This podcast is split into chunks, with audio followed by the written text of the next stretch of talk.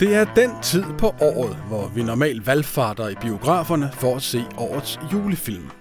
Men nu er biograferne lukket, for smittetallene stiger, og december måned tegner mere og mere til at blive en dårlig genindspilning af en gyserfilm, ingen gider se. Også her på Radio Information har virusen gjort sit indtog, og derfor er det igen i denne uge mig, Rasmus Bo Sørensen hedder jeg, der varmer sædet for Anna von Sperling. Hun er forhåbentlig tilbage igen først i det nye år. Men hverken vikarløsninger eller biografnedlukninger skal forhindre os i at kigge tilbage på det filmår, vi netop har lagt bag os. Tværtimod. Med de nye restriktioner kommer vi formentlig bare til at tilbringe endnu mere tid foran flimmeren i juleferien, og den slags kræver forberedelse. I hvert fald, hvis det skal gøres ordentligt. Derfor har jeg bedt mine to mest filmkyndige venner, filmredaktør Christian Mongård og filmkritiker Lone Nikolajsen, om at hjælpe mig med at gennemgå de bedste film- og tv-serier fra 2021. Dermed er manuskriptet på plads for denne særudgave af Radioinformation. Så læn dig tilbage og nyd forestillingen.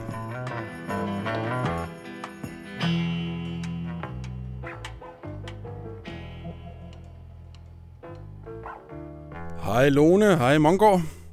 Hej Rasmus. Vi øh, skulle jo have siddet sammen herinde i studiet lige nu og spist pebernødder og drukket julete og så videre. Men så kom der en lille fyr ved navn Omikron i vejen, så nu er I med på hver jeres øh, telefonlinje i stedet. Uh, hej, det er godt derude? Ja. Super. Super, det er godt. Nå, men i hvert fald, opgaven er jo stadig den samme. Vi skal have kåret de bedste film og serier fra øh, 2021, og jeg har valgt at lave en lille konkurrence ud af det i år, som øh, i al sin enkelhed går ud på, at I over den næste øh, halve times tid skal forsøge at overbevise mig om, hvad jeg skal bruge tid på at se hen over julen. I øh, dyster inden for øh, tre forskellige kategorier. Årets serie, årets udenlandske film og årets danske film. Og efter hver runde, så uddeler jeg mellem øh, 1 til 5 pebernødder til hver, baseret alene på øh, min dybt subjektiv vurdering af, hvem af jer, der har solgt jeres valg bedst. Og til sidst, så tæller vi selvfølgelig pebernødderne sammen og ser, hvem der har vundet. Er reglerne forstået? Yep. Reglerne er forstået. Vil I også øh, lige øh, ønske hinanden held og lykke? Held og lykke, Christian. Rigtig meget held og lykke. Jamen, jeg vil ikke ønske Lone held og lykke, for jeg vil vinde. Øh, hvorfor kommer det ikke bag på mig, den her øh, udvikling her? Nå, godt, lad os sætte i gang. Vi øh, lægger ud med øh, første runde. Det er øh, kategorien Årets serie. Og øh, Monker, her er dit øh, valg jo faldet på en serie, som jeg faktisk ikke engang har hørt om. Måske fordi jeg ikke har Apple TV, hvor øh, serien bliver vist. Ted Lasso hedder den. Hvad er det, hvad er det for en serie? Ja, du har jo så åbenbart heller ikke læst avisen, hvor jeg har sunget den her films pris øh, afskillige gange. Men øh, det er jo lidt pinligt, Rasmus. Der kan man sige, der går det allerede Det galt. klipper vi ud. Det klipper vi ud. det er, jamen, altså, i virkeligheden kan det siges meget kort i forhold til Ted Lasso. Det handler om en amerikansk fodboldtræner, altså en, en amerikansk fodboldtræner fra USA, som kommer til Europa for at træne et Premier League-hold. Og det er jo ligesom øh, øh to verdener, der mødes, og det kommer der ret meget en komik ud af, men også utrolig meget øh, positivitet og opbyggelighed. Altså Ted Lasso er simpelthen en af de mest positive, en af de mest hjertevarme, en af de mest opbyggelige tv-serier, jeg nogensinde har set, og det var lige præcis, hvad jeg havde brug for, da jeg så både første og anden sæson i løbet af, af de første nedlukninger af samfundet på grund af corona. Altså Ted Lasso er et menneske, spillet af den amerikanske komiker og skuespiller Jason Sudeikis, som har valgt at være positiv. Altså hans liv, og det er ikke sådan forceret positiv på den måde, han er bare valgt at se livet og det hele som glasset halvt fuldt. Der er ikke noget glasset halvt tomt over det. Det er simpelthen et spørgsmål om at se alt fra den positive ende, fra den lyse ende, og det smitter af på, på hans omgivelser, det smitter af på de mennesker, han møder, og på den måde begynder de også at forvandle sig, kan man sige. Han sætter sig simpelthen nogle ret positive, fantastiske aftryk i den verden, han kommer i kontakt med. Og alene derfor er den her serie værd at se. Hvad, hvad er det? Er der sådan en særlig, er der en særlig scene eller dialog, som øh, måske illustrerer, hvad det er, vi har med at gøre? Åh, oh, det er lidt svært at sige, altså, men, men, men noget af det, man kan synes, der, der, som er lidt sjovt ved den, det er, at øh, Øh, øh, Ted Lasso, han har sin hjælpetræner Bert med fra USA, og, øh, og de har sådan et indforstået sprog, som er fyldt med populære kulturelle referencer og, og sjove øh, øh, ordsprog og mundhæld og sådan noget, som ofte er variationer over nogen, man kender i forvejen. Så bare lige drejet en lille smule, vendt en lille smule på hovedet, så de får sådan en ny energi og ny betydning, synes jeg i hvert fald. Så det er ikke så meget sådan specifikke øh, øh vendinger eller scener eller sådan noget, men det er bare hele den der livsglæde, varme og positivitet, som de her to mennesker udstråler, og faktisk også en meget, meget stor menneskeklogskab, øh, som, som jeg synes, man, man kan lære noget af den her, og, og det er en serie, som man også selv bliver et positivt menneske af, vil jeg sige. Altså midt i nogle af de mørkeste stunder under nedlukningen, så kunne man ligesom se de her to mennesker udveksle ord og holdninger og meninger og, og, og, og hvad skal vi sige, glade budskaber. Det var, det var en stor lise hvad, hvis du sådan lige skal opsummere, ikke? hvad er så i, i, i få ord det, der gør, at den her den er dit bud på øh, årets serie? Ja, men det er livsglæde og positivitet på flaske. På flaske. Okay. Hvad siger du, øh, Lone? Har, øh, har Mongård solgt den her serie til dig? Ja, det kan være, at jeg får tid, når jeg er færdig med at se øh, øh, alle afsnittene af Succession for tredje gang. øh. Ja, fordi at, øh, det kan vi jo godt røbe nu, at øh, det er jo dit bud på øh, årets serie, og det kommer jo heller ikke sådan super meget bag på, øh, i hvert fald ikke på mig, og heller ikke på, tror jeg, de lytter, der lyttede med i efterårsferien, hvor du var inde i Radioinformation og, og tale meget begejstret om tredje sæson af den her amerikanske tv-serie. Og altså, begejstringen er så ikke øh, dalet siden, forstår jeg. Nej, det er det overhovedet ikke. Altså, jeg, jeg synes nærmest, at øh, de tre sidste, tre sidste ud af de ni øh, afsnit i den her tredje sæson, det er noget af det mest sådan, formfuldendte, komplette øh, fjernsyn, eller dra- hvad hedder det, i hvert fald fiktion, jeg har set på tv, altså øh, øh, alt muligt, der var blevet bygget op til, som man måske slet ikke havde opdaget, som blev forløst, og øh, perspektiverne i deres i alle karakterernes øh, psykiske problemer, der viser sig at være endnu større end først øh, antaget. Og Måske du lige skulle øh, bruge øh, bare lige 30 sekunder på lige at, at rekapitulere, hvad det egentlig er, Succession ja. er for en serie. Ja, altså Succession er den her serie, som jeg synes er en af de bedste serier i årvis, som med en blanding af sådan money thriller elementer og situationskomik, og nogle gange også noget helt gø og gokkeagtigt komik, fortæller en historie om et kæmpestort amerikansk medie- og underholdningsimperium, som er ejet af en familie, hvis øh, overhovedet er den her øh, meget øh, kyniske og bumstærke patriark Logan Roy, hvis børn så kappes om den magt, der vil blive til overs, når han engang trækker sig tilbage eller falder død om. Så det handler, det er ligesom en, et arvefølgedrama, hvor at tre ud af hans fire børn rigtig gerne vil overtage posten som direktør for det her kæmpe imperium. Så er der en, et fjerde barn fra det første ægteskab, som er endnu mere virkelighedsfjern end de andre, og bare øh, sysler med at prøve at køre sig selv i stilling som øh, USA's næste præsident, og i løbet af tredje sæson, så bliver det sådan foruroligende næsten realistisk, at han kunne gå hen og blive en præsidentkandidat. Øhm, men det er den her serie, der handler om den promille af det amerikanske samfund, der sidder på magten, og hvordan de skalter og valter med den, og hvordan de bruger den til at slå hinanden i hovederne, fordi de alle sammen har haft ulykkelige barndomme, og hver eneste gang de slås om penge og magt, så handler det om, at de bare gerne vil anerkendes, eller have den anerkendelse, de ikke fik i deres ulykkelige, overprivilegerede barndom.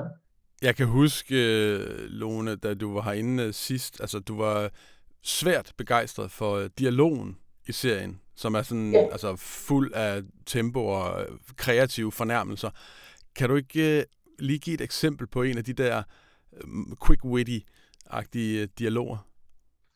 Altså både Logan Roy, det her familieoverhoved, han, og hans øh, søn Roman, som er en af kandidaterne til at tage over efter ham, er, er fuldstændig sådan virtuose, når det kommer til fornærmelser. Logan Roy, han kan sige ting som, han lugter som om en ostehandler død med pikken efter lad din brie, så han synes, det lugter lidt dårligt. Eller han kan sige til en af sine topmedarbejdere, hvis dine hænder er rene, er det kun fordi dit horhus også tilbyder manikyre. Øhm, ja. Og i den her sæson, der var det især incest-jokesene, der blev skruet op for.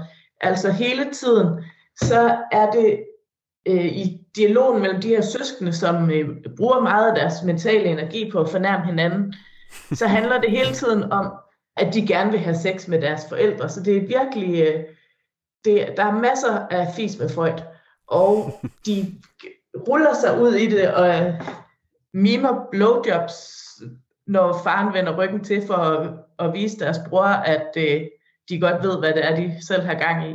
Og, og altså i det hele taget, så er det sådan, som om meget af det, de gør, er sådan en slags udvidet freudianske Freudian slips overtagelse, hvor at de kommer til at afsløre alt det psykiske rod, de render rundt med. Når for eksempel en karakter som Kendall, som er en af de andre sønner, der også rigtig gerne vil overtage topposten, han holder en stor 40-års fødselsdag for sig selv, øh, og han har sagt til sit hold, at det specifikt ikke skulle øh, minde om, at det skulle virkelig ikke ligne, at det var et røvhul, der holdt en fødselsdagsfest.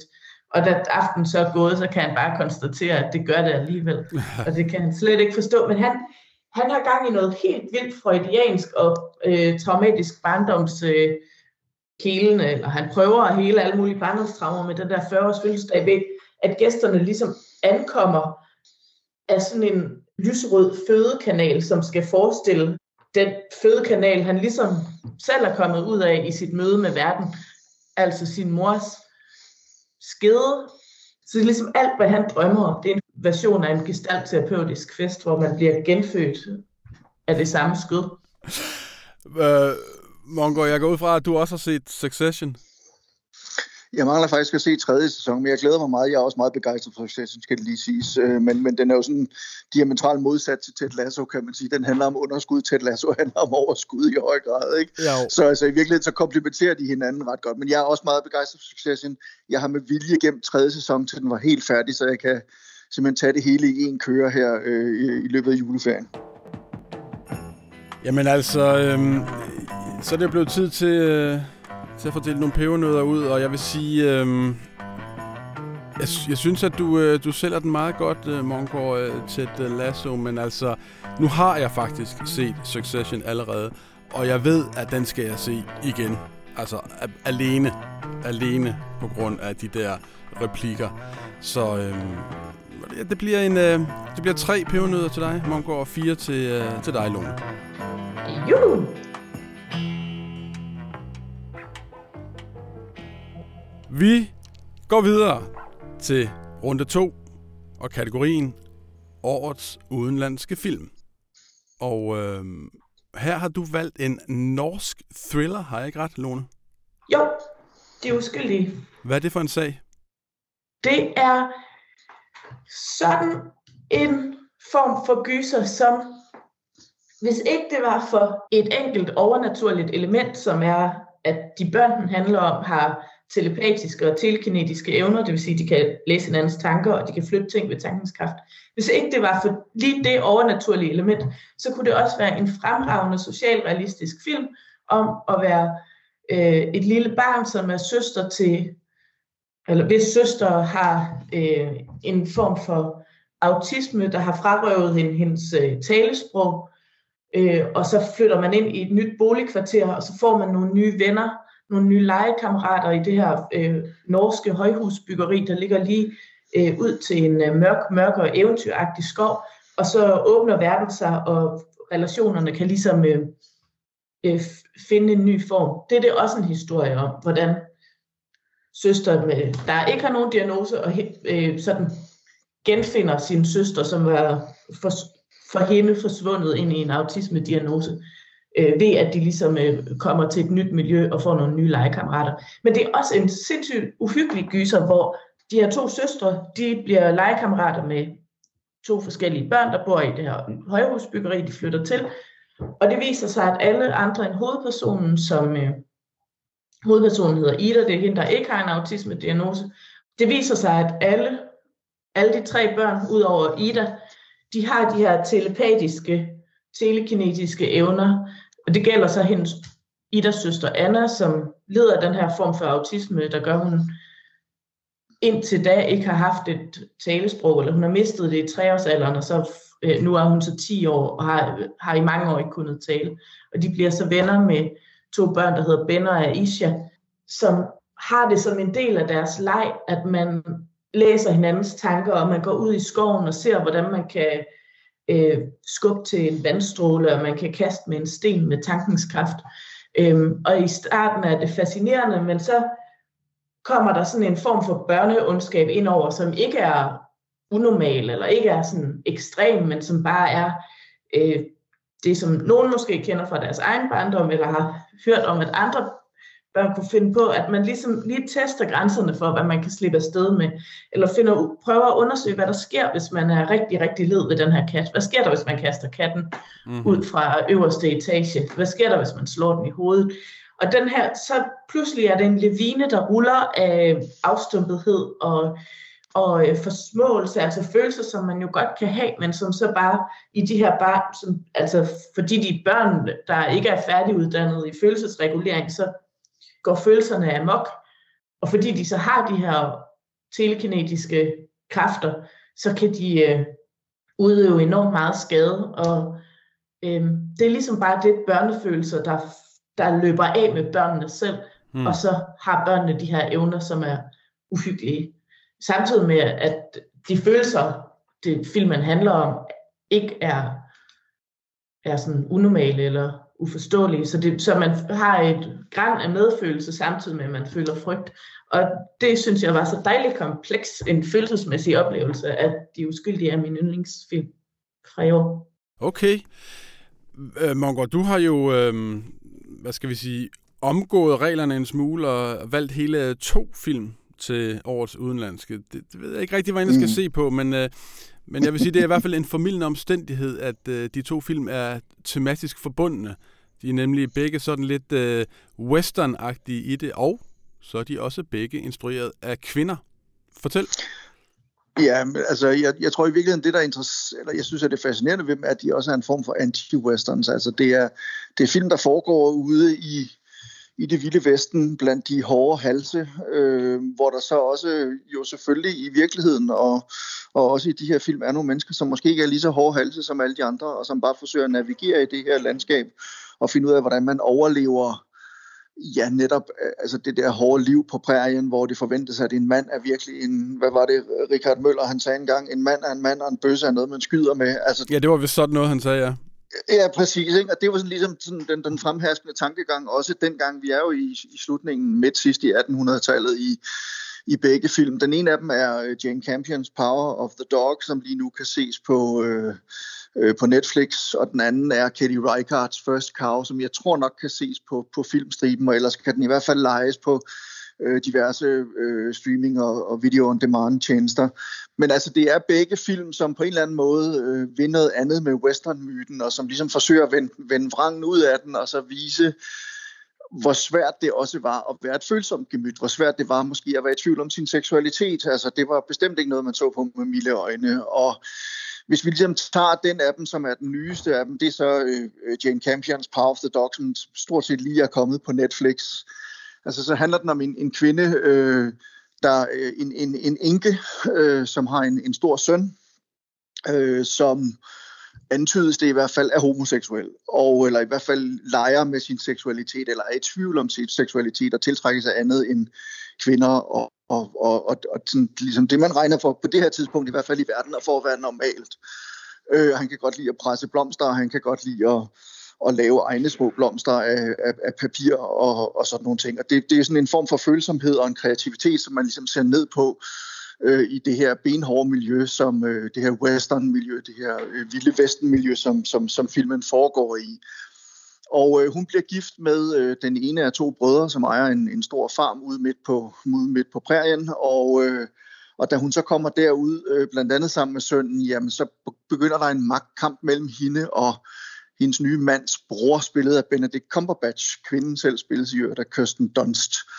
Og, øh, og broren der, Benedict Cumberbatch, han er sådan en mandlig mand. Altså han, han, er, han er virkelig sådan en, en, en den inkarnerede maskulinitet, som altså nærmest terroriserer hende og prøver at få hende ud på, på tynd is hele tiden, og, og som også er med til at hænge hendes søn ud og gøre grin med ham i øh, sine ansattes øh, påhør, sådan at, at den her stakkels knægt, han snart ikke ved, hvad han skal gøre og gribe i.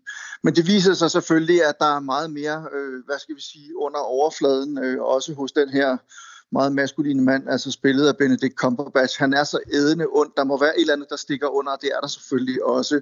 Og filmen er, uden at jeg skal afsløre for meget, også blevet kaldt, sådan, kaldt for en, en, en queer western, og det vil mm. sige, at den, den prøver ligesom at, at fortælle om andre former for seksualitet end bare øh, heteroseksualitet øh, ude på prærien, hvor som sagt den slags jo virkelig havde svære kår. Og det er en, øh, altså ligesom det, i det hele taget med Jane Campions film, altså det var hende, der øh, for mange år siden lavede den film, der hed øh, The Piano, som vandt den guldpalme i Cannes, og, og, og, og også blev nomineret til flere Oscars, og også vandt nogen, og som sidenhen har øh, lavet øh, den tv-serie, der hedder Top of the Lake, og forskellige andre ting. Og sådan. Altså hun er skide dygtig. Øh, og, øh, og laver film, som på den ene side er meget håndgribelige og meget barske og meget øh, fysiske, kan man sige, og samtidig utrolig sensuelle og handler meget om sanselighed og om at fornemme den verden, man bevæger sig rundt i og sådan noget. Og det gør Power of the Dog også. Den er fuld af fantastiske billeder fra prærien og fra, øh, fra byerne og de her støvede, beskidte byer og hele det her miljø, som den foregår i og sådan noget, men samtidig også masser af sanselighed igennem kamerabevægelser, igennem øh, musik og igennem nogle af alle de scenerier, som de her forskellige mennesker de bevæger sig imellem. Og så er den netop også det her med, på den ene side sådan en coming of age historie om den her unge mand, der ligesom forsøger at finde sig selv i det her miljø, som bestemt ikke er venligt stemt over for sådan nogen som ham.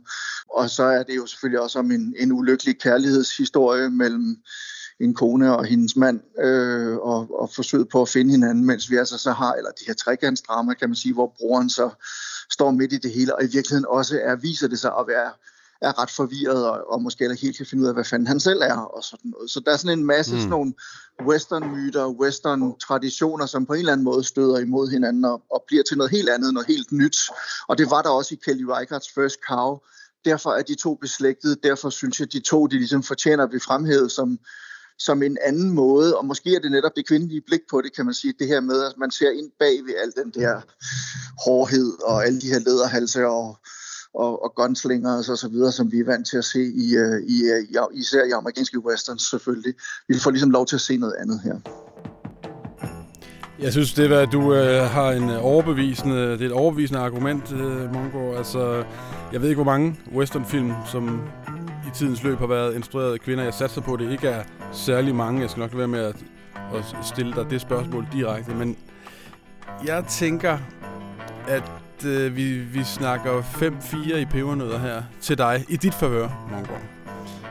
Øh, jeg, jeg er ikke så meget til, til gyser, så det bliver afgørende. Ja, ja.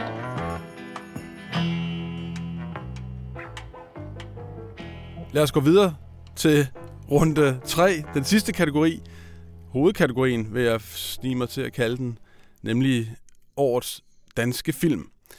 Og øh, vi bliver hos dig, Mongård. Dit valg er faldet på Kraverne Venner, som i øvrigt også er instrueret af en kvindeinstruktør, nemlig Lisa Jespersen. Man begynder at ane et mønster her. Hvad er, øh, hvad er Kraverne Venner for en film? Hvor Kraverne Venner.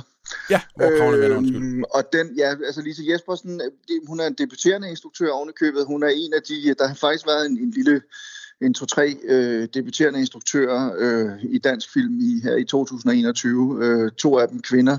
To af dem har været virkelig gode film. Den ene var den anden var Emma Havdal, øh, Anna Emma Havdal med øh, Venus-effekten, og så nu øh, Lisa Jespersen med Hvor Kravene Venner, som jeg så synes er den, umiddelbart er den bedste af de to, men, men de kan nu meget begge to. Men altså, det er simpelthen en historie om en ung kvinde, der øh, er flyttet, øh, hun, hun kommer fra Fyn og er flyttet til København, og så vender hun tilbage til Fyn, fordi øh, hendes bror skal giftes, og øh, det viser sig så, at han skal giftes med en, som øh, øh, engang altså nærmest var, var søsterens øh, øh store mobber helt tilbage i skolen, og som ingen brød sig om, og nu skal han så giftes med en broren. Samtidig med det bliver hun jo konfronteret med hele sin familie og alt det, hun har ligesom har ladt bag sig. Man har fornemmelsen af, at hun har været sådan lidt en, en utilpasset ung kvinde, der hun boede hjemme øh, på gården øh, på Fyn, og så valgte hun ligesom at nærmest at flygte til København, hvor hun så er blevet en del af, hvad skal vi sige, det kulturelle, kunstneriske miljø i København. Og det er en komedie, hvor kravene vender, og, og sådan en sæde, en, en sæde komedie, kan man sige, som jo ligesom handler om forskellene på, på ja, både på, på Fynbo og københavnere, men, men også på dem, der bor i små byer og på, ude på, på, på landet, og dem, der så øh, holder til en af de kreative, kunstneriske, øh, måske også lidt selvhøjtidlige miljøer i, i København. Og noget af det, jeg synes, filmen formår ret godt, det er sådan set at gøre grin med begge dele. Hmm. Altså, at den, den holder ligesom begge dele lidt ud i strakt arm, og så fortæller den historien om den her unge kvinde, som prøver at finde ud af, hvem fanden er hun egentlig? Altså, hun, hun er ikke kun den, der kommer fra det der lille miljø, den her lille gård ude på landet. Hun er heller ikke kun øh, den, som lever i det her miljø i, i København. Og hun gør ligesom undervejs i filmen oprør mod begge dele og får skabt en masse ballade, hvilket er både meget dramatisk og rørende, men også ret, altså virkelig morsomt.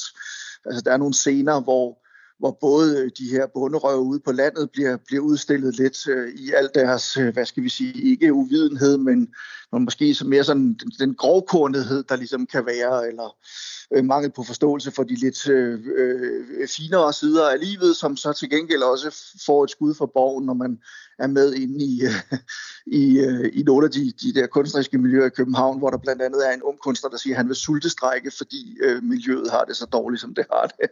Og, og der, er så nogle, der er så nogle ret sjove ting på den måde, hvor, hvor, hvor, hvor begge de her øh, miljøer bliver udstillet, og, og, og det handler selvfølgelig om for hendes vedkommende at finde en vej i det. Der er også noget sjovt i forhold til alt det her med, altså som jeg tror alle, der på et eller andet tidspunkt øh, øh, mennesker, så gør vi jo oprør mod vores forældre, vi flytter hjemmefra, men forældrene har jo alligevel nogle, og, og nogle gange så bliver det meget voldsomt, og andre gange knap så voldsomt, men forældrene har jo nogle forventninger til os, øh, som vi jo ikke nødvendigvis kan leve op til, og, og, og det er så også noget af det, som den her øh, film handler om, og altså de forventninger, de gerne vil, at vi skal leve op til, vi ikke kan leve op til, men måske heller ikke er interesseret i at leve op til, og så gør vi oprør på en nogle gange lidt utilsigtet, voldsom måde, og andre gange, så, øh, så kan vi sgu ikke rigtig finde ud af at, at kappe bånd og give slip. Så der er sådan en masse ting på den måde, og det er virkelig en dannelsesfortælling, kan man sige. Altså Rosalinde Mønster spiller den her unge kvinde, som, som slår sig i tøjet, men som også finder ud af, at hun er sgu egentlig ikke så forskellig fra de der mennesker ude på landet, og hun er i hvert fald ikke kun ligesom de her mennesker inde på byen. Så hun finder sig selv et eller andet sted i, i midten der, og det er både morsomt og, og ret rørende og meget genkendeligt at være vidne til, som en som mig selv, der er flyttet fra, øh, fra Midtjylland til København og så ud til Midtjylland i stedet for, kan jeg virkelig godt genkende meget af den rejse, hun er på i filmen. Der, der er en øh, sjov øh, scene i filmen, hvor, Øh hvor datteren, der jo altså er flyttet til København, øh, og altså klipper sig korthåret og alle de der ting, øh, hun, ikke, hun vil ikke spise den steg, som hendes mor har forberedt særligt til hende, på grund af klimaforandringerne. Og det sidder de så mm. og snakker om, og det skaber rigtig dårlig stemning ved middagsbordet, indtil moren så skærer igennem og siger, nu gider vi ikke snakke om det dumme miljø mere. ja. Altså, det er jo, det er jo, altså, hvordan, altså, det er jo det der med at trække sådan et øh, højaktuelt øh, konfliktemne ind i, øh, i, i fiktionens univers, altså klimaforandringerne og den mm. øh, splid, som det eventuelt øh, kan skabe de enkelte familier mellem venner og sådan noget der. Altså, er det noget, der, er det noget filmen lykkes med at, at gøre på en, på en god måde, synes du? Jamen, det synes jeg faktisk, fordi den afspejler meget godt, hvordan de diskussioner jo ofte er. Altså det er noget, vi gerne vil tale om, og især unge mennesker føler meget stærkt for det, men den ældre generation er ikke nødvendigvis interesseret i at snakke om det, har måske lidt dårlig samvittighed over, over det, og ved ikke nødvendigvis, hvad fanden de skal gøre ved det. Hmm. Og det skaber så de her sammenstød, eller de her akavede samtaler, hvor man ikke rigtig kan finde ud af, hvilken retning man skal bevæge sig i. Og så er der nogen, der til sidst der siger, at nu gider vi ikke snakke om det mere. Og så skal der nok være nogen, der bliver sure over det også. Men jeg synes faktisk, det er ret godt ramt. Altså, tror jeg, sådan, hvordan det er i, og sikkert også kommer til at være her i julen og nytåret, når ja. familierne samles, og der skal diskuteres politik og corona og, og øh, øh, vaccinationer og alt muligt andet, og miljø sikkert også, så skal der nok blive øh, diskussioner af den her slags, det er helt overbevist om. Lone, jeg vil ikke sige, at du lige frem har omgået reglerne i, øh, i dit valg til årets danske film, men jeg synes alligevel, du har lidt overraskende valgt ikke en en fiktionsfilm, men dermed en dokumentarfilm, nemlig øh, Candice for livet, om, øh, om fankulturen rundt om den populære Johnny Hansen fra Candice. Øh, hvad, øh, fortæl, hvad er, det for en, hvad er det for en film, og hvad er det, der gør den så, så blændende? Øhm, jeg synes, at den, den her Candice for livet, den demonstrerer noget af det fantastiske, som dokumentarfilmsgenren kan. Og nu kunne jeg jo ikke finde på at omgå reglerne og tale om to film i stedet for en, men jeg synes, det er karakteristisk for Candice for livet, at jeg synes, den er, at jeg har endnu mere lyst til at tale om den, end en anden fremragende dokumentarfilm fra i år, nemlig Flugt af Jonas Bohr Rasmussen, som øh, også er et øh, fuldstændigt mesterværk. Og det, de to film, synes jeg faktisk er, er sådan klart de bedste danske film, der jeg har set i år. Og øh, Flugt af Jonas på Rasmussen har man måske hørt om, at den, det er det her anim, en animationsdokumentar, øh, baseret på et interview, instruktøren har lavet med sin gamle gymnasiekammerat, som er uledsaget flygtningebarn fra Afghanistan, som så fortæller sin historie, men også sådan fortæller den på en måde, så hans, han er ved at få brikkerne til at falde på plads i sin nutid, hvor han skal finde ud af, øh, hvad han egentlig, hvordan han skylder sin afghanske familie at leve sit voksenliv, og hvad han skylder sig selv, og hvad han skylder sin mand, øh, som gerne vil leve sammen med ham, men han er også splittet mellem karrieren og sådan sindssygt god film. Og så alligevel har jeg mere lyst til at tale om uh, Candice for livet, som uh, for mig var en større overraskelse, fordi jeg egentlig ikke er så specielt interesseret i øh, dansk topbandet Candice, som er omdrejningspunktet. Øh, men det, der er så fantastisk ved den her film, det er, at, den, at man sagtens skal se den, øh, uden at være interesseret i dansk topmusik. Jeg tror, jeg havde tænkt, det ville da nok blive meget spændende, ligesom der har været ret god temalørdag om dansk toppen. Det er sådan sit eget lille hjørne af dansk populærkulturhistorie, der er spændende som sådan. Men den her film, den var så så meget mere. Jeg synes, at den øh, sådan, øh, satte alle sejl til for at fortælle om, hvordan mennesker kan bruge andre mennesker som medier for deres sådan følelsesmæssige forløsning. Altså den handler om en håndfuld dedikerede Candice-fans, og hvad de får ud af at dyrke Johnny Hansen og hans band Candice på en nærmest religiøs måde, øh, hvor det at gå til øh, Candice-koncert bliver øh, som en form for gudstjeneste, der forbinder en til et fællesskab og sætter en i kontakt med nogle følelser, som man ellers har svært ved at sætte ord på.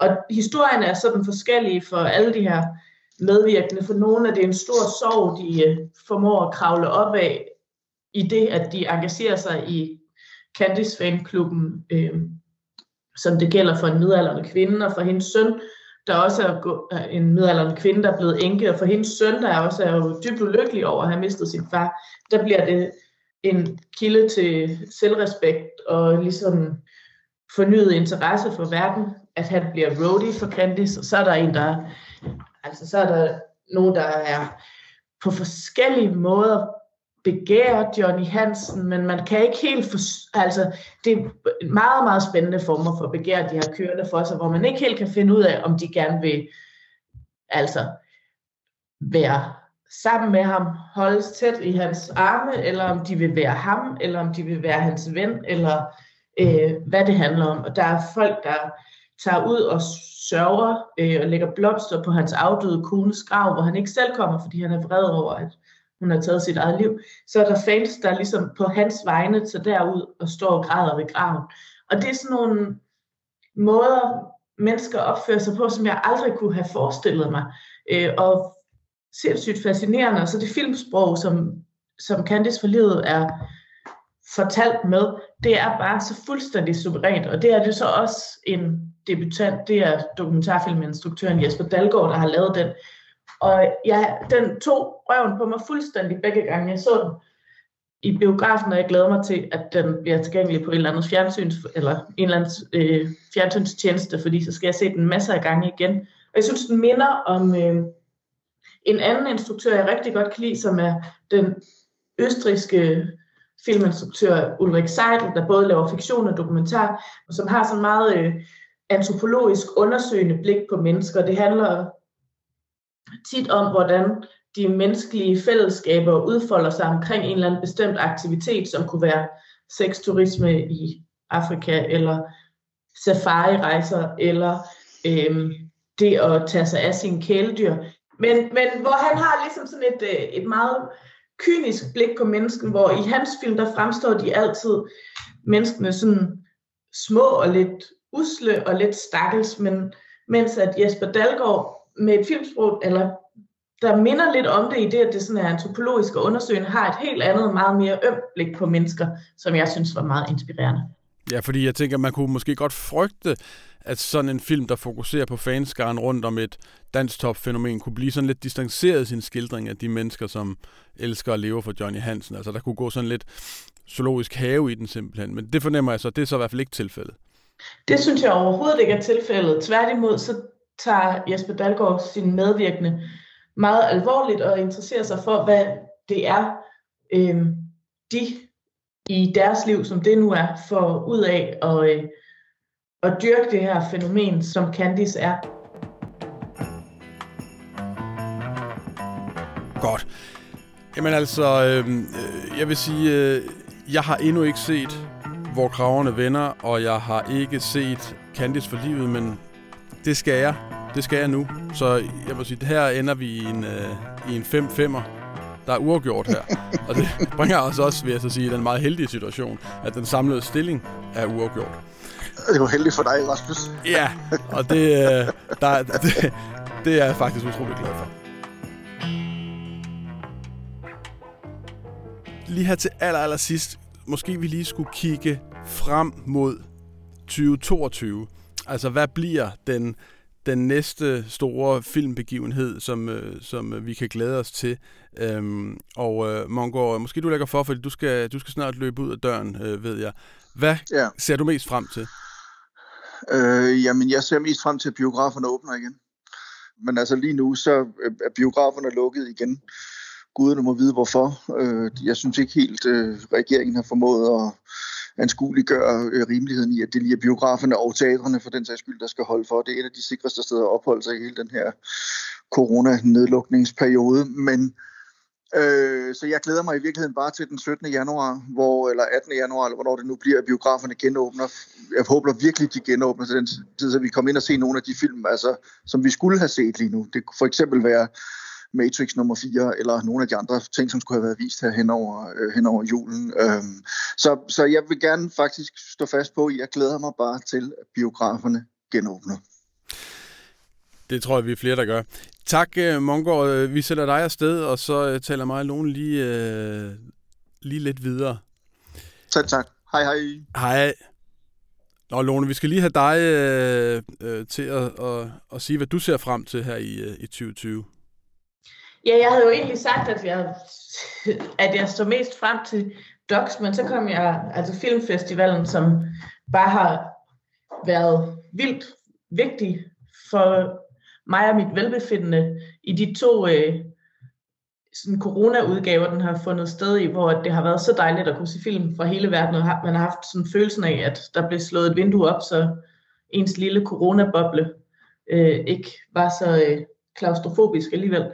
Men så kom jeg i tanke om også en øh, bestemt film, som jeg glæder mig til at se i det nye år, som hedder The Northman af mm-hmm. Robert Eggers, øh, som er sådan et vikingedrama, hvor øh, som instruktøren har skrevet sammen med den islandske forfatter Sjón, og hvor Bjørk blandt andet spiller øh, en spokkone af en art. Og Robert Eggers altså, øh, har tidligere lavet nogle film, der hedder The Lighthouse og The Witch. Og hans film er sådan helt ekstremt stilsikre, og han formår virkelig at lave en sådan en filmisk verden, som er sin egen, og som man bliver opslugt af og draget ind i.